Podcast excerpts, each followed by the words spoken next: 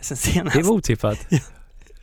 Nej, men jag tror vi nämnde så här, hittar vi en riktigt god lagerfolköl så kan vi ta upp det. Nu gjorde vi säkert det. Eh, och genast så bara drog jag ju ut till, till Göteborgs egna eh, bottle shop, ICA Åkered som du har nämnt. Eh, jag menar där ute, det är ju lag, hyllmeter eh, och, en, och en kyl. Ja, ja. Det fanns mycket att välja på. Nästan allting var ale. ja. Det är väl så att jag kan tänka mig att det är det man är spännande Ja, att brygga och sådär. Exakt. Det är ju också...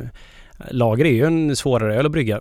Och Mm. ehm, det är väl så att kanske om man som bryggeri ska göra en folköl så Mm. börjar man med det man kan bäst, kan lättast sälja. Lager är ju svårsåld, är svårare att sälja än vad en ale är. Ja. Så det blir att man brygger, det är ju fortfarande i sin linda det här med att bryggerier gör folköl på det här sättet liksom.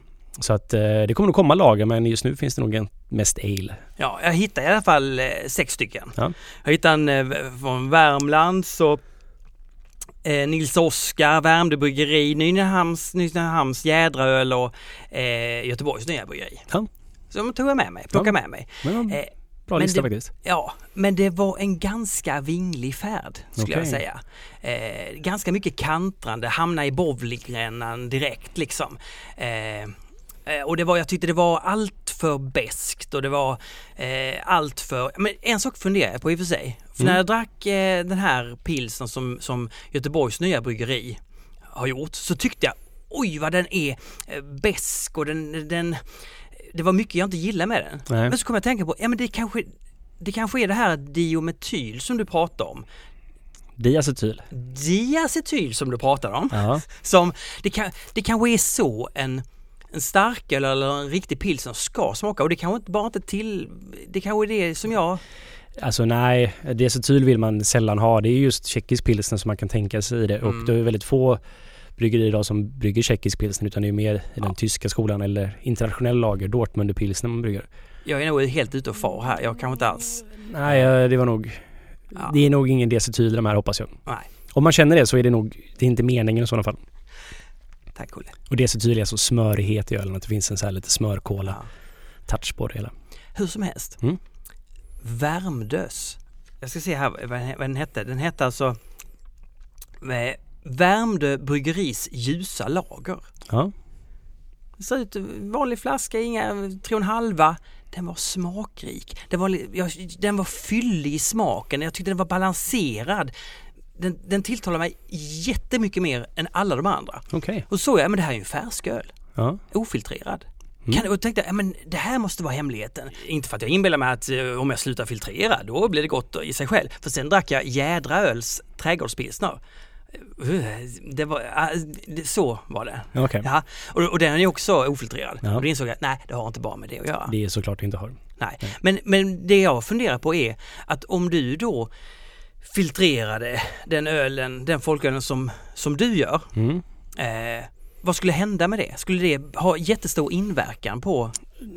Grejen är att det finns massvis med olika sätt man kan filtrera öl. Ja. Eh, Jag är inte jättebra på det här faktiskt för jag filtrerar ju ingen öl. Nej. Och eh, i och med att jag inte gått någon utbildning Mm. att vara bryggare så har jag inte någonsin fått en utbildning. Jag har ju lärt mig allting by learning by doing. Mm. Och i och med att jag aldrig gjort detta så har jag inte så bra koll. Men jag har lite koll och eh, det är, det är en djungel av olika typer av filtrering.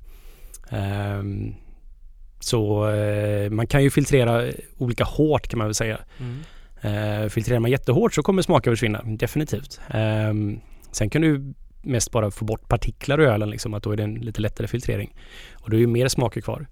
Men min upplevelse är att oftast om du använder dels någon form av klarningsmedel, vilket är en filtrering i tanken kan man säga, ett medel som plockar bort partiklar, eh, men även, även då ett filter som det går igenom, man pumpar ölen igenom, så påverkar detta smaken.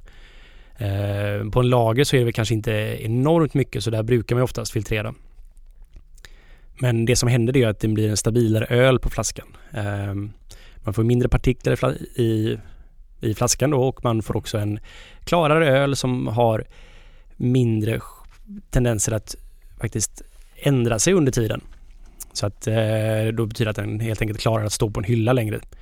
För det finns ju en risk om man har partiklar i en öl så kan man ju faktiskt få det som vi kallar för gushers, vilket är att när man öppnar kapsylen så sprutar det ut öl och det behöver inte alltid betyda att den är överkolsyrad utan det kan betyda att det är partiklar i ölen då finns det någonting som kan göra att kolsyran kan bryta ut.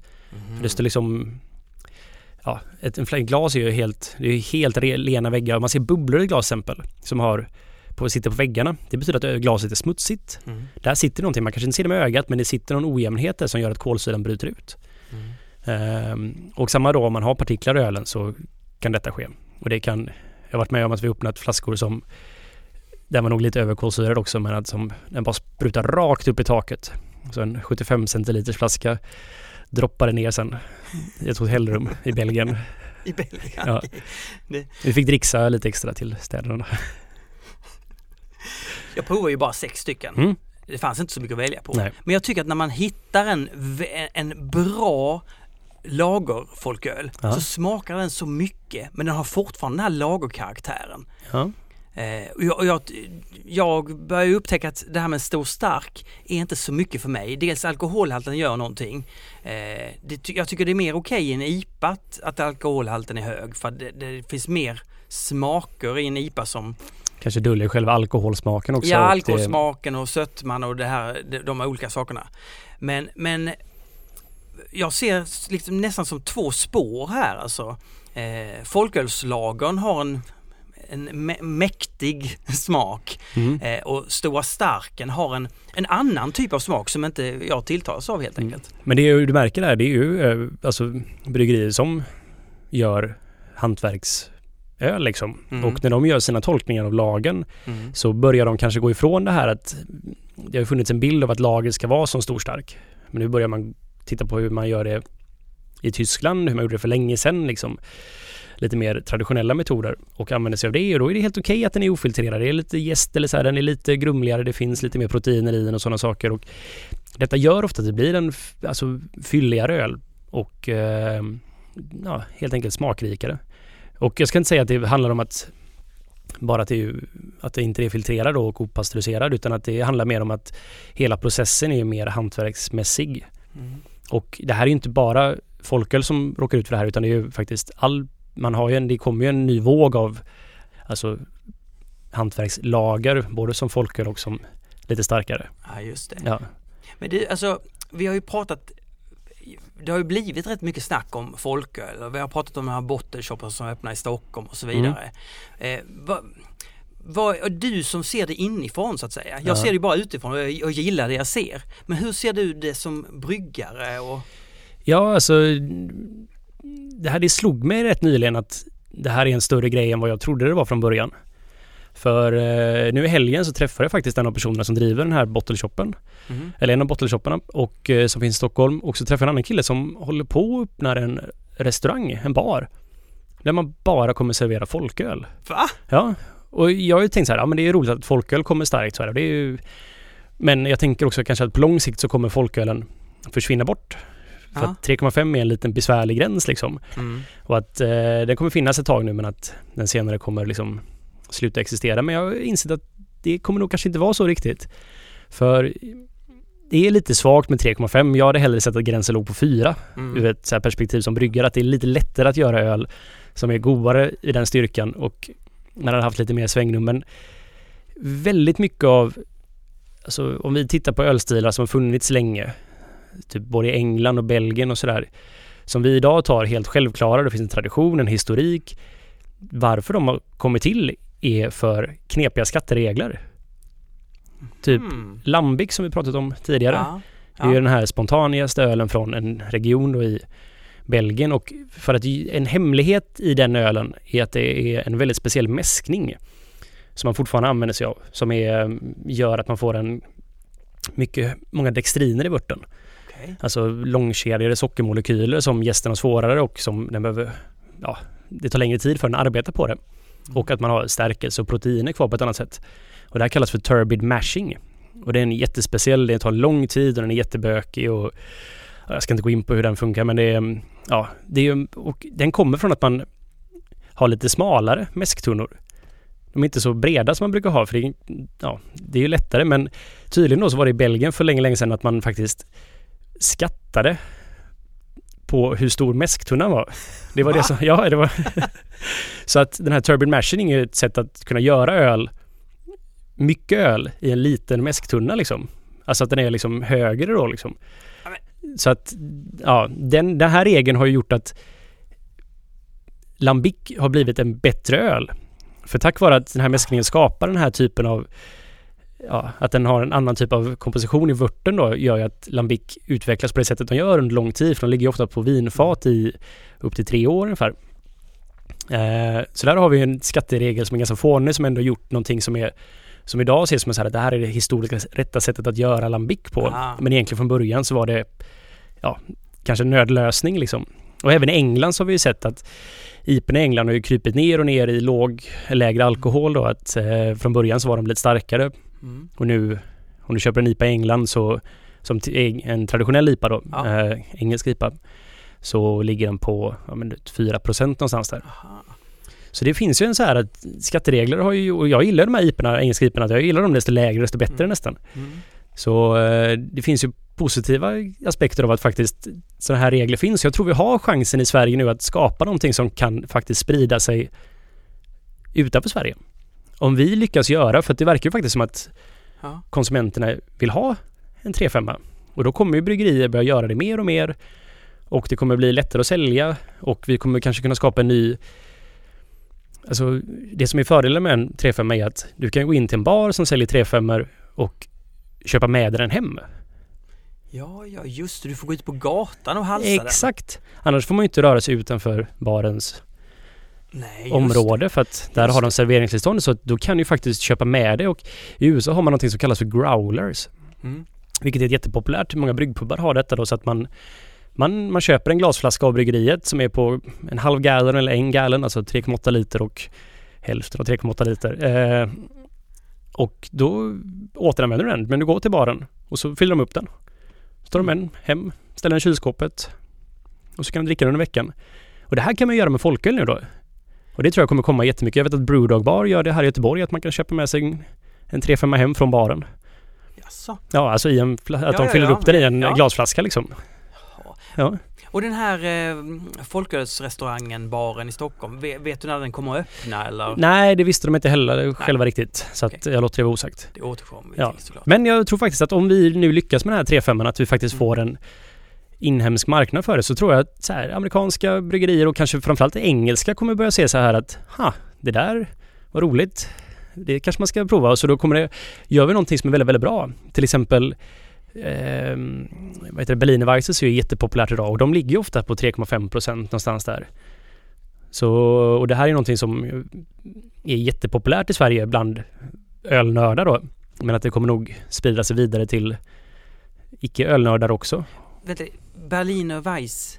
Weiss, Weiss? Ja, Berliner Weiss är... är Berliner Weisser? Berliner Weiss, ja precis.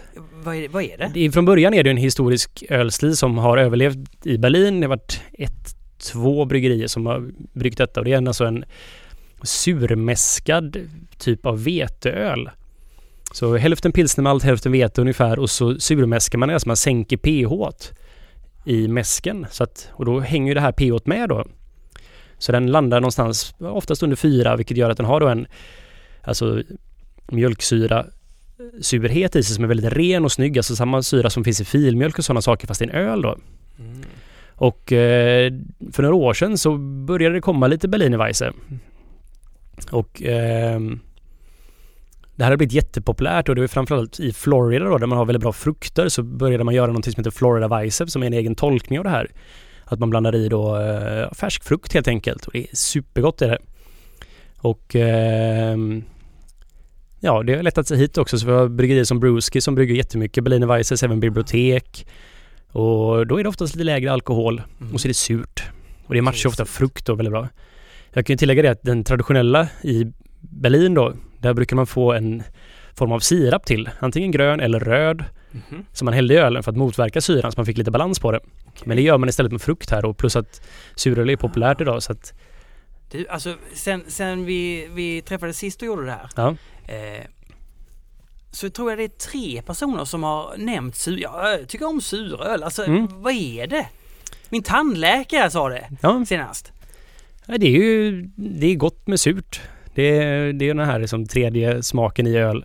Och när man överdriver den så, ja man balanserar det på rätt sätt så blir det jävligt gott. Händer någonting där. Ja, Mm. precis. Och ofta så är det med frukt eller någon form av att man kan använda Ja, jag har druckit med fläder, jag har druckit med svartvinbär och jag har druckit med mm, ja, lakrits har jag druckit en gång också faktiskt. Det var inte jättegott. Men eh, ingefära funkar också så här liksom. Man kan bara ha något extra i liksom. Det blir, man går lite utanför ramarna av öl. Det blir mer som en, ja, alltså en soda liksom. Nästan. Fast Ja. den är sur istället. Nej och sen så, men det är ju den här, den, den här typen av, mm, jag kallar det för kettle soured Mm. surisar. Alltså suröl som är gjord genom att man antingen surmäskar eller att man surar vörten i kitteln för att få ner pH. Och då är det med laktokulturer. Då får man väldigt endimensionell surhet i ölen. Mm. Ehm, men det är jättegott, det är väldigt uppfriskande. Och det går rätt snabbt då. Men sen finns det ju de här lambic som jag pratade om som också är suröl. Det är också laktokulturer men de har också pedio, pedioccus Mm. som är en annan typ av bakterie som också surar det men då skapar den ofta lite andra typer av en komposition av vilka typer av syror det är den som blir lite mer det blir lite mer komplext. Så det är suröl finns det här liksom det som tar lång tid och det som går väldigt snabbt. Och man ska faktiskt skilja på dem åt. Idag, I dagsläget så pratar folk om suröl och då pratar man om båda två. Mm. Okej. Men det är liksom ja, det är inte alls samma sak egentligen i min värld.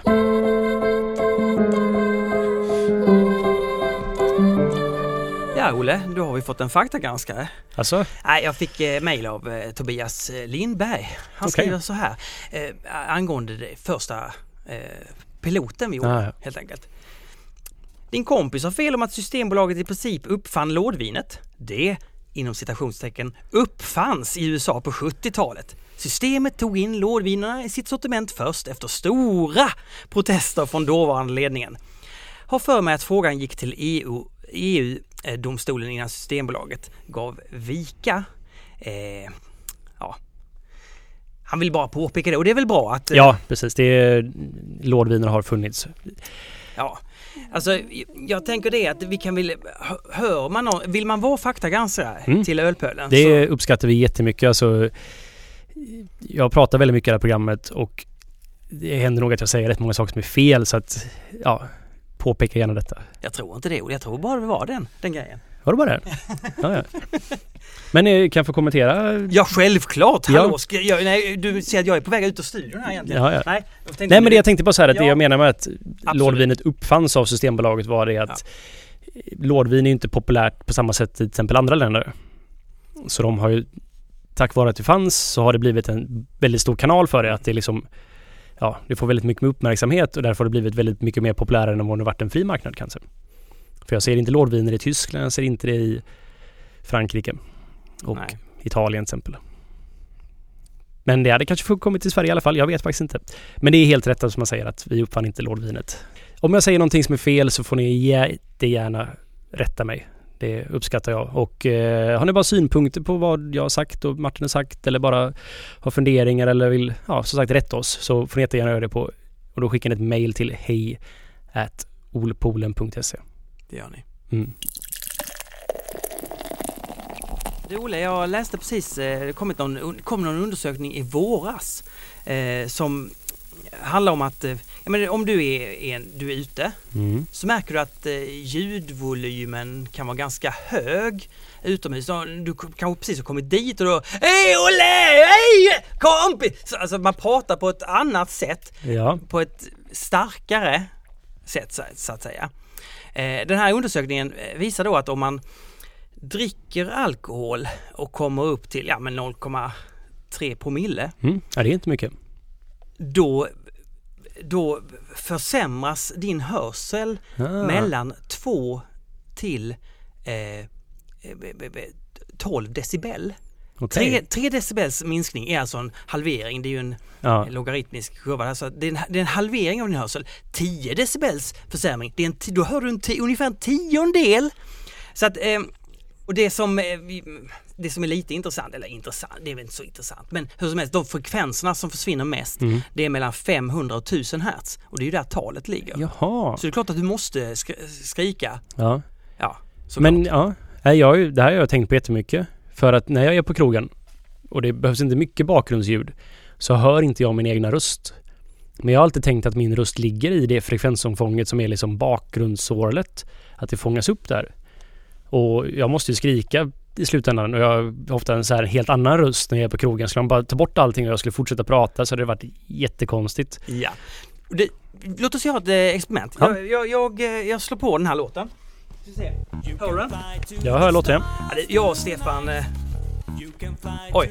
Ja, du vet, jag och Stefan Sjölund, 2003. Vi, då, du vet när fransk house var så lite gött. Så tänkte vi ska ha ett franskt houseband. Ja, ja. Filter houseband. Vi heter Boxholm, fast eh, på franska Böxölme. Nej, ja, det här, så det här är ganska daterat kan man säga va? Ja, ja. Men, om du, nu hör du det här. Du dricker några starka. Du börjar komma upp i promillehalten. Mm. Och då händer ju det här först med musiken. Va? Eh, och då... Och jag, jag har också hällt i mig några starka. Så jag bara, hallå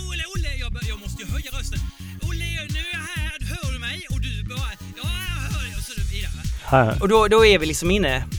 Det, det är ju den lilla förändringen som he, sker. Mm. Och vet du vad som är så gött? Jag, alltså det, det som är så gött med det här är att eh, jag var på, jag var på eh, Ven Ja. eh, på turistgården med Tommy och, och min fru och vi, skulle, vi lyssnar på lite blues. Vi har gitarr, vi har trummor, vi har keyboard, inget konstigt. Men vi är i en ganska ödslig lokal och det är skränigt som utav bara eh, den. Eh, och jag tar det här Landskrona-ölet eh, Finns brygghus, dricker en, en IPA där. Eh, och, och, och jag, liksom, det, det smärtar i öronen.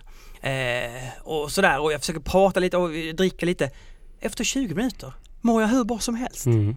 Volymen är perfekt. Jag sitter och har trevligt. Tommy hälsar på några lokalbor där och man är helt hemma plötsligt. Ja. Så det är ju, ja. Vill man alltså, man behöver alltså inte ta med sig öronproppar på Ullevi. Bara man har med sig ölen i Ja. vänster hand. Precis. Får man ha med sig öl på Ullevi? jag har inte varit där på jättelänge. Alltså det är väl ändå inte som Way Out West. Jag har ingen aning. Ja. Nej. Bra låt förresten.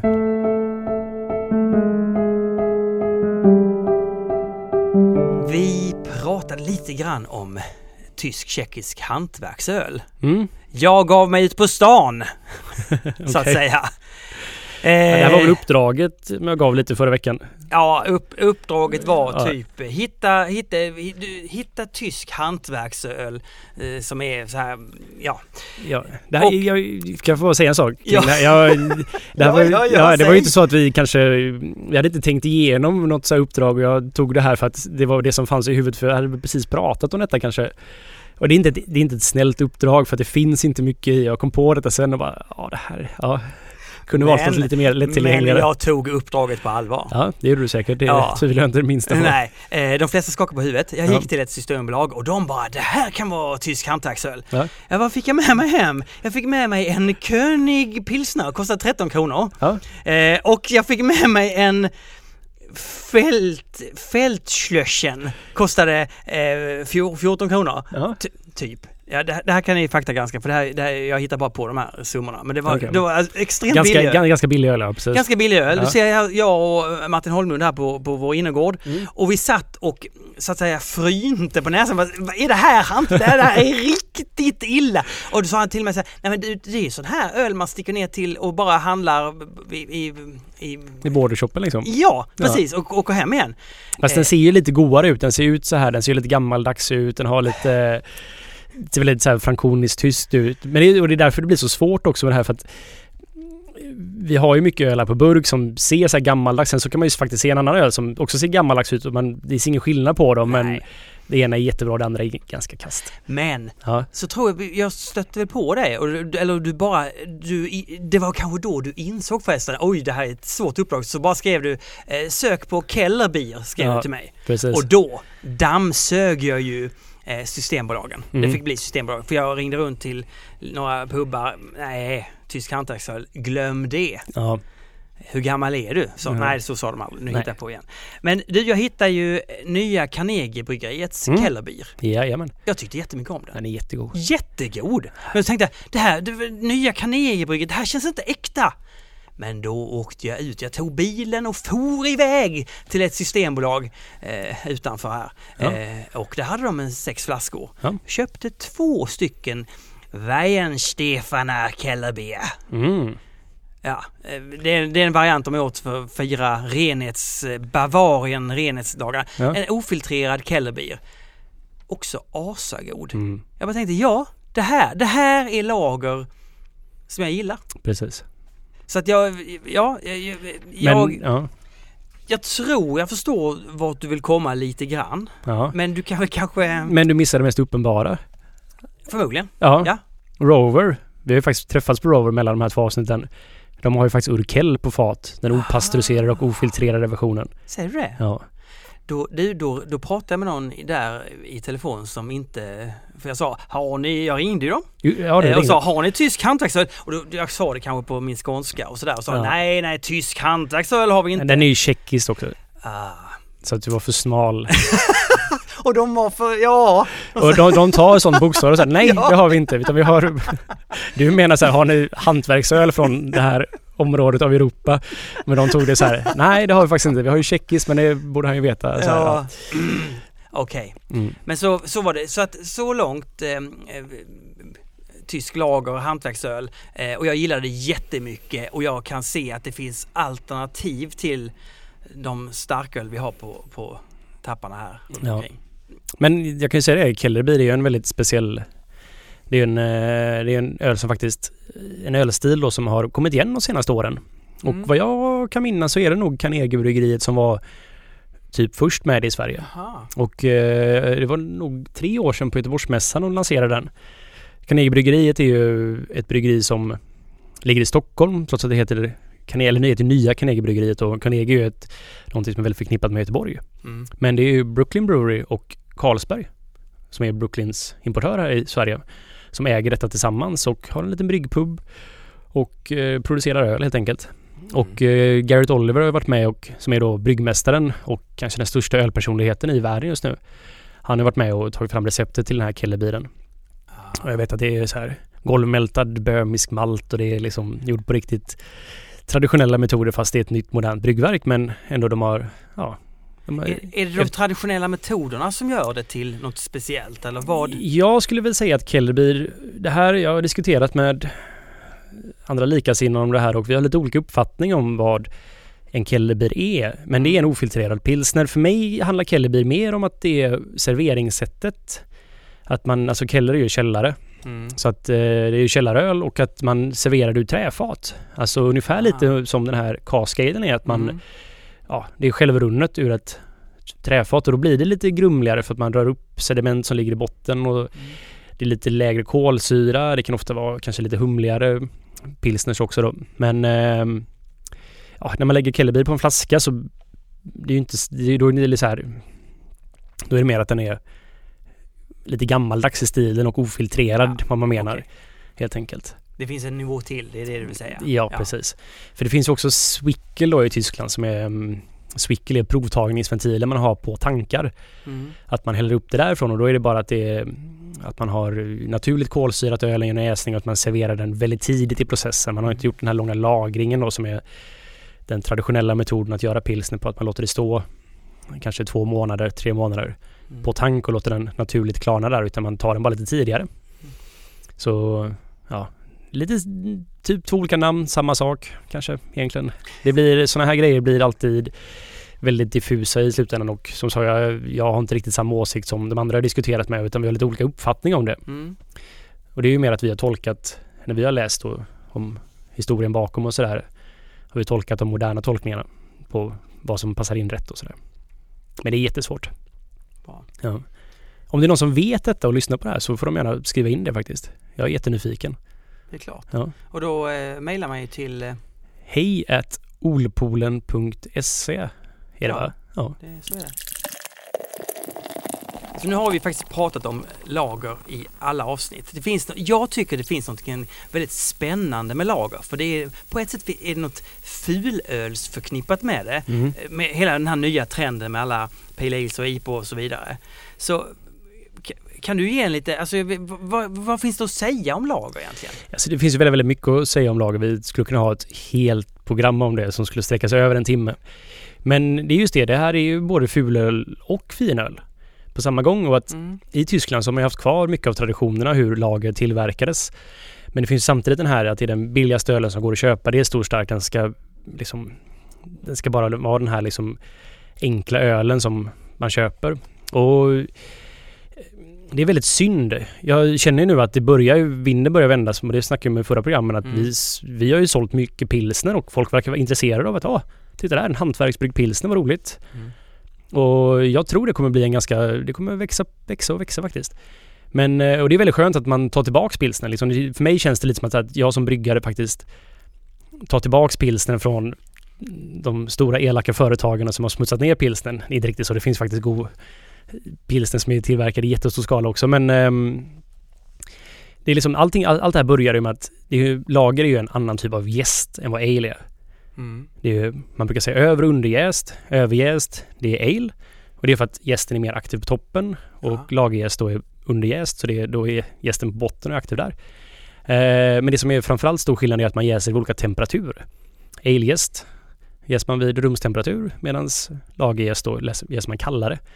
Och ursprunget på lagergästen vet man inte så mycket om egentligen. Det är bara att man märkte att på fem, ja, medeltiden, alltså 1500-talet, nej, 1500-talet så eh, kom, ja, upptäckte man att den här gästen, man visste inte vad gäst var för något på den tiden, men att det var ändå någonting, att man började liksom i en del av Tjeckien och Tyskland och att faktiskt göra öl som man gäster kallare helt enkelt. Och det verkar vara någon mutation, en korsning mellan ale och en annan gäst.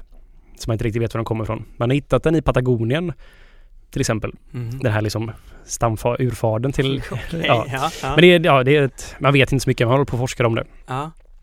Men eh, så den var ju en regional liksom, ingrediens då i det här området. Man hade den här gästen som funkade vid lägre temperatur och när man jäser någonting vid lägre temperatur så blir det mindre smakpåverkan från gästen. Det blir en renare, snyggare öl liksom.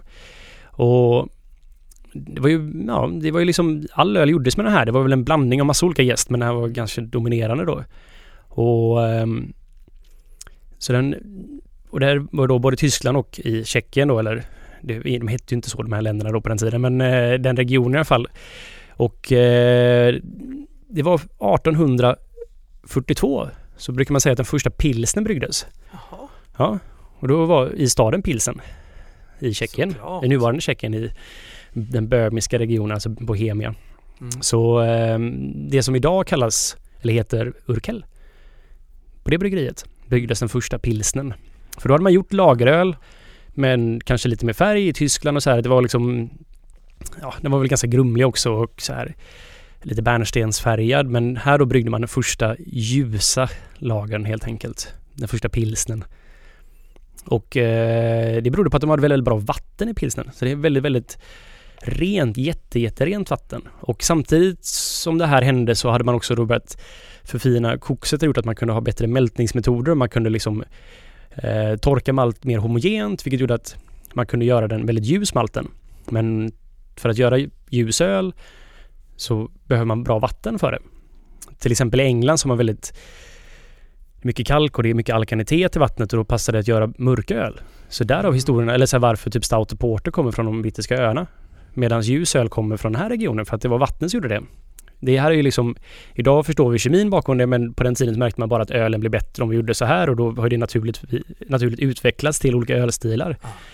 Och så som jag fattat det så var det att de började brygga detta här och tidigare så hade ju öl då varit så här att man serverade trästop eller så här plåtgrejer så här och den var bärnstensfärgad, lite grumlig och såg inte sådär jätteaptitlig ut. Men helt plötsligt så kunde man ju då göra öl som och man började lagra ölen länge då för att den skulle bli klar och då fick man den här ljusa, klara ölen som inte så här så ren i smaken och det var ju så här wow shit vad gott Olle, det här är. Jag blir ju helt sugen på sån här klar öl nu när du ja, pratar om det. Ja, Okej, okay, fick man till det alltså? Ja precis, man fick till detta och eh, ganska, det, om man haft det andra tidigare och nu helt plötsligt fick det här så mm. blir det såklart man, man dricker med ögat på samma sätt som man äter med ögat liksom så att det blir attraktivare.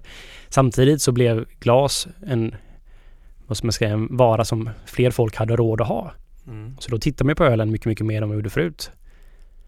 Så de här två liksom samtidigt gjorde att det spred sig ganska över Europa då som att det här är nya liksom. Det här är nya trendiga. Och sen så, det finns en historia som jag inte köper men det var att det var en dansk som var nere hos nuvarande Spatenbryggeriet tror jag det och eh, för var där som lärling eller praktikant Mm. och eh, mikrobiolog och som snodde med sig gäst i en sån här hög hatt man hade på den här tiden på tåget hem, typ så här industrispionage mellan företag men jag tror han hade fått den här som att ja, ta hem den. Ja. Och eh, det han gjorde var att han började brygga öl med den i Danmark. Okej. Ja, och eh, han var den första också som isolerade. För det här var ju en blandning av olika gäster. Och det här är ju ungefär vid tiden när man faktiskt upptäckte, det var ju Pasteur som upptäckte vad att gäst är en levande mikroorganism. Mm. Och Pasteur var ju faktiskt sponsrad av ölindustrin. För det var ju tidigare var det någon sorts gegga som var kvar i öl. Och bara så här, om vi använder det här till nästa öl så blir det bra. Vet inte riktigt vad det här är för något men det verkar bli bra så att man gjorde det. Så de bad ju honom, kan du ta reda på vad det här är för något? Den här geggan som är kvar här. Eh, så och han upptäckte då att ja, gäst är en levande mikroorganism. Mm. Och eh, den här dansken han fortsatte det här arbetet eh, med att forska på gäst. Och då var den som först isolerade den här unika gästen och kunde skapa en ren kultur då med bara den gästen. Och det här är alltså då vad som sen kommer att bli Carlsbergbryggeriet. Och eh, det här var ju då sista pusselbiten kan man säga. För att för det här till, kommer ju ungefär samtidigt som industriella revolutionen. Mm. Att faktiskt lyckas ja, göra öl i massor helt enkelt. Mm. För då hade man alla variabler under kontroll helt enkelt. Så det här tog över världen kan man säga. Det spred sig som en löpeld. Och, på, och då, jo, på den tiden då när det här, då var det alltså lageröl som man kunde få så här ren, så snygg i glas. Mm. Solen kunde spela igenom den, man kunde ta instagramma den och så vidare. Ja, Ja. hur som helst, men alltså det var, det var den ölen man gjorde. Precis, det blev det. Och den, Ja. den blev väldigt populär så den spred sig. Mm. Den var ju lätt att göra. Det var liksom, Ja. Man hade bra, bra kontroll på det. Jag var ju inte där själv så jag vet ju inte exakt hur det är men det här är ungefär vad jag uppfattat det som att vad som skedde. Mm. Och den spred sig över hela jorden och sen så tyvärr så blev det så att den blev det absolut mest dominerade. I USA så här så var det att marknadsföring gjorde att man ska bara dricka den här ölen. Så eh, det blev ju så illa liksom att 1976 så fanns det liksom inte ja, det var jättefå bryggerier i USA. De hade haft jättemycket bryggerier i USA tidigare Ja. men sen kom förbudstiden när de inte fick dricka alkohol och sådär. Men ehm, ja och sen så har ju marknadsföringen gjort då att det blev bara en enda öl helt enkelt. Så jag, jag läste någonstans att det var typ nio bryggerier kvar i USA 1976. Oj, Ja, men vilken utveckling sedan dess. sen dess ja, precis. Och det var presidenten Carter som faktiskt han... eh, Det blev okej att hembrygga hemma. Lagstiftade han. Förutom då i bibelbältet-staterna som fortfarande inte får brygga hemma. Men ehm, tack vare detta så har ju sen då USA haft sin revolution mot detta. Mm. Och den har ju då spridit sig runt om i världen. Så att när vi nu börjar brygga pilsner, jag älskar att brygga pilsner, vi brygger rätt mycket pilsner på Stibergs bryggeriet. Ja. Och jag, för mig känns det lite som att man tar tillbaks det här, man läser gamla texter och man gör då nere i Franconia i Tyskland och praktiskt sett kan vi inte göra allting men vi tar det som känns, som känns viktigt liksom och försöker göra det så nära som möjligt. Och känns man tar tillbaks den här ölstilen från de stora bryggerierna. Och det är, ja, det är väldigt spännande. Och jag hoppas att jag kan få göra en resa ner till Franconia och faktiskt dricka för där har de jättemycket bryggerier Mm. som egentligen är som bryggpubbar ungefär som säljer till sin ja, den lokala marknaden och inte så mycket mer än så därför att det är väldigt svårt att få tag i då helt enkelt här i Sverige och därför var det kanske inte var det bästa uppdraget till dig. Nej, men vilken, det är ju en resa man är sugen på alltså. Ja herregud ja. Herregud, Franconia. Är det, du har hittat på det ordet va? Nej nej. Nej. Är, Mm, jag vill bara kolla. jag vet inte om det är en delstat eller om det är ett område eller något sånt i... Låter jättebra. Ja. Låter jättebra. Mm. Du, en sak som jag tänker på det är ju att när man har ett bryggeri de här olika så har man, man har en lager, man har en IPA, man har en, en APA så, så gör man någon variant på IPAn eller man gör en annan pil, man kallar det för någonting annat. Men just lagervarianten har Mm. man ganska ofta bara en variant av. Ja men precis. Va, va, hur, kan, kan man inte ha två eller tre? Det, det, jag tror det här kommer komma snart alltså. Ja. Det, man, kan ju, man kan ju också modernisera lagen att göra lite antingen humligare eller man behöver inte bara brygga med pilsnermalt. Man, kan, man behöver inte bara se till de här gamla ölstilarna som finns. Utan man kan ju faktiskt hitta på lite nya. Man kanske gör lite mer rustik pilsner med kanske lite vete, lite omältat i för att Mm. få en annan karaktär på den och sådär. Och jag tror det här kommer komma jättemycket. Och jag läste en intervju med en kille som jag har följt rätt mycket för som heter Dan Suarez som är en bryggare i USA som gjorde sin han jobbade länge på Hill Farmstead som idag anses vara kanske världens bästa bryggeri. Han har precis öppnat eget. Eh, upstate New York någonstans ut med Hudsonfloden. Och eh, han kommer göra mycket farmhouse ale då, att man gör liksom lite rustikare bondgårdsöl då. Och han vill göra pilsner. Och han, han, han, jag läste intervjuer med honom, han brinner för pilsner. Och jag, eh, jag tror han är väl den första som kanske vänder det o- ordentligt i USA nu. Men nu har jag startat han för en månad sedan då, men det är hans ambition i alla fall. Mm. Så det hoppas jag verkligen. Och så mm, händer det där så kommer det hända här också. Men jag tror ju faktiskt vi kanske är lite före många andra länder när det kommer till pilsner faktiskt. Att vi, Kan det vara så? Kan Ja, Sverige ja, äm- äntligen vara före? ja men vi är lite så, så. långt efter, du har sagt att vi är så långt efter. USA är så Precis. långt före. Och du bara skrattar, är vi för långt fram i Europa? Du bara skrattar. Nej, du har ju alla lä- du, Hur många länder har vi i Europa säger du? Men vad roligt Ja. att höra. Mm.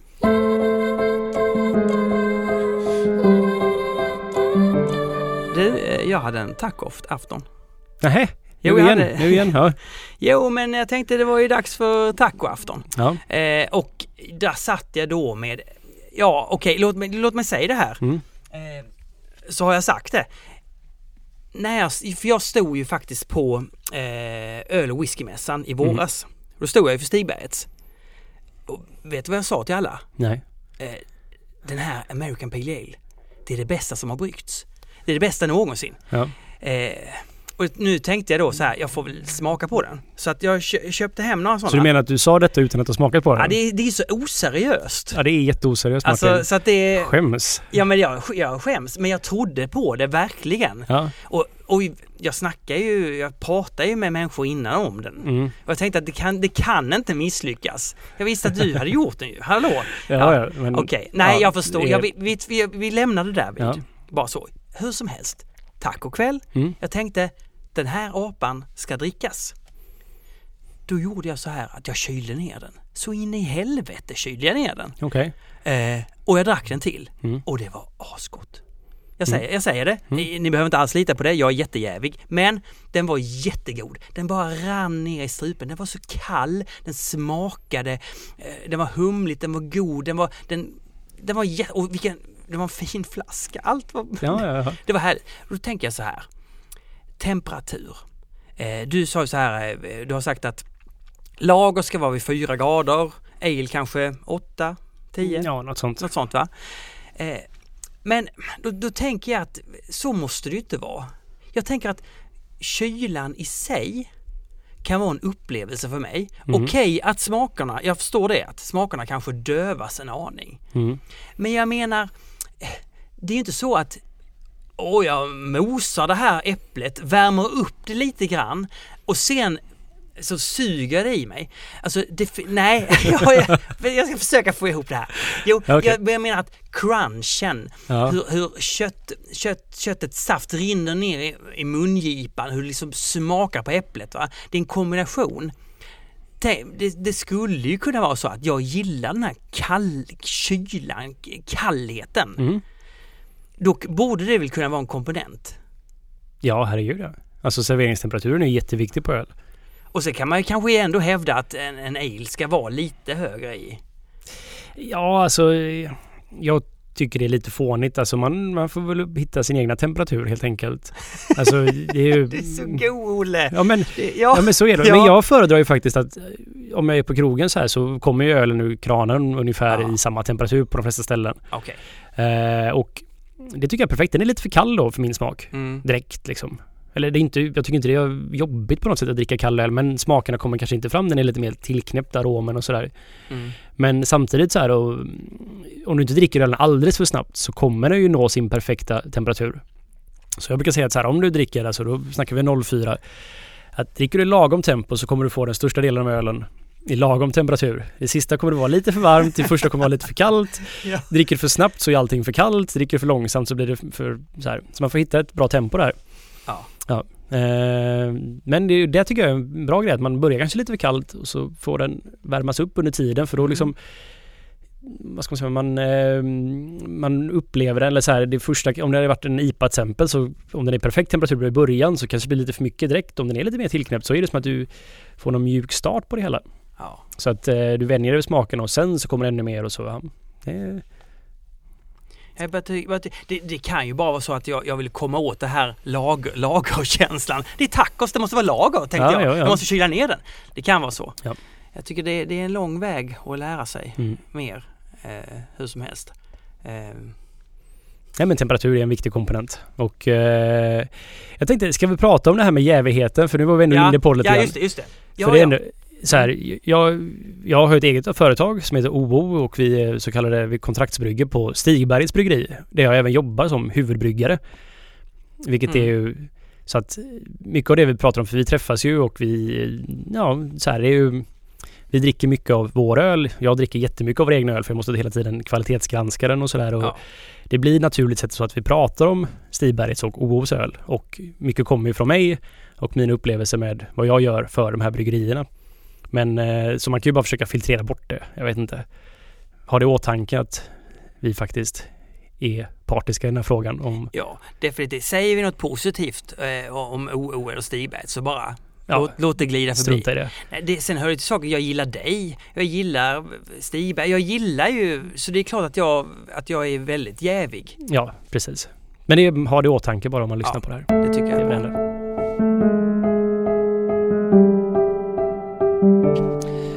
Jag tänkte på det Martin. Till första avsnittet Mm. så hade du ju som uppdrag att bekanta dig med engelsk ölkultur, Mm. främst då via Cascale och Real Ale. Eh, till det här uppdrag- programmet så hade du som grej att du skulle bekanta dig med tysk traditionell öl Mm. och eh, det är ju de två stora nationerna i Europa som är duktiga på öl och har en tradition som har levt kvar i de här länderna. Men det finns Ja. ett land till och jag tänkte att till nästa program så skulle du bekanta dig med belgisk öl. Belgisk öl. Ja, jag vet att du inte gillar, du gillar 3-5 Det här är ju lite kanske din nemesis då. Det här är ju mycket stark öl och så. Men de har en extremt rik kultur i Belgien som jag vill att du ska upptäcka och uppleva på egen hand. Det låter jättespännande, som om vi beger mig in i en mörk, eh, snårig skog på något sätt. Ja, snårig är den definitivt. Förra gången pratade du ju om Ölfrämjandet. Mm. Ja, och nu är jag med. Eh, Är har du inte, ja, ja, jag har betalt in. Eh, det har inte hänt någonting i min värld, har inte ruckats, men jag förväntar ju mig stordåd framöver. Ja, det ska du kanske inte göra men räkna med att få en bra tidning hemma och sådana Ja, saker. Ja, Det var det jag menade. ja exakt. Eh, och det kan vara så att jag är med i ett nummer som kommer snart. Faktiskt. Ja, men det, är ju värt alla pengar redan. Ja. Det hör jag det. Precis. Och jag vill gärna tipsa om att bli medlem i Svenska Ölfrämjandet. Jag tycker det är en fantastisk förening och de har en bra tidning och det kostar 300 kronor per år och då får du den här tidningen Maltesen. Och det är en... De gör mycket för Öl-Sverige faktiskt. Så gå till svenskaolfrämjandet.se och bli medlem. Du kan swisha in pengar också. Det är Det är enkelt. Bra. Och tack eh, Ina Lundström för att du både klipper och producerar den här podden. Mm. Jättebra jobbat.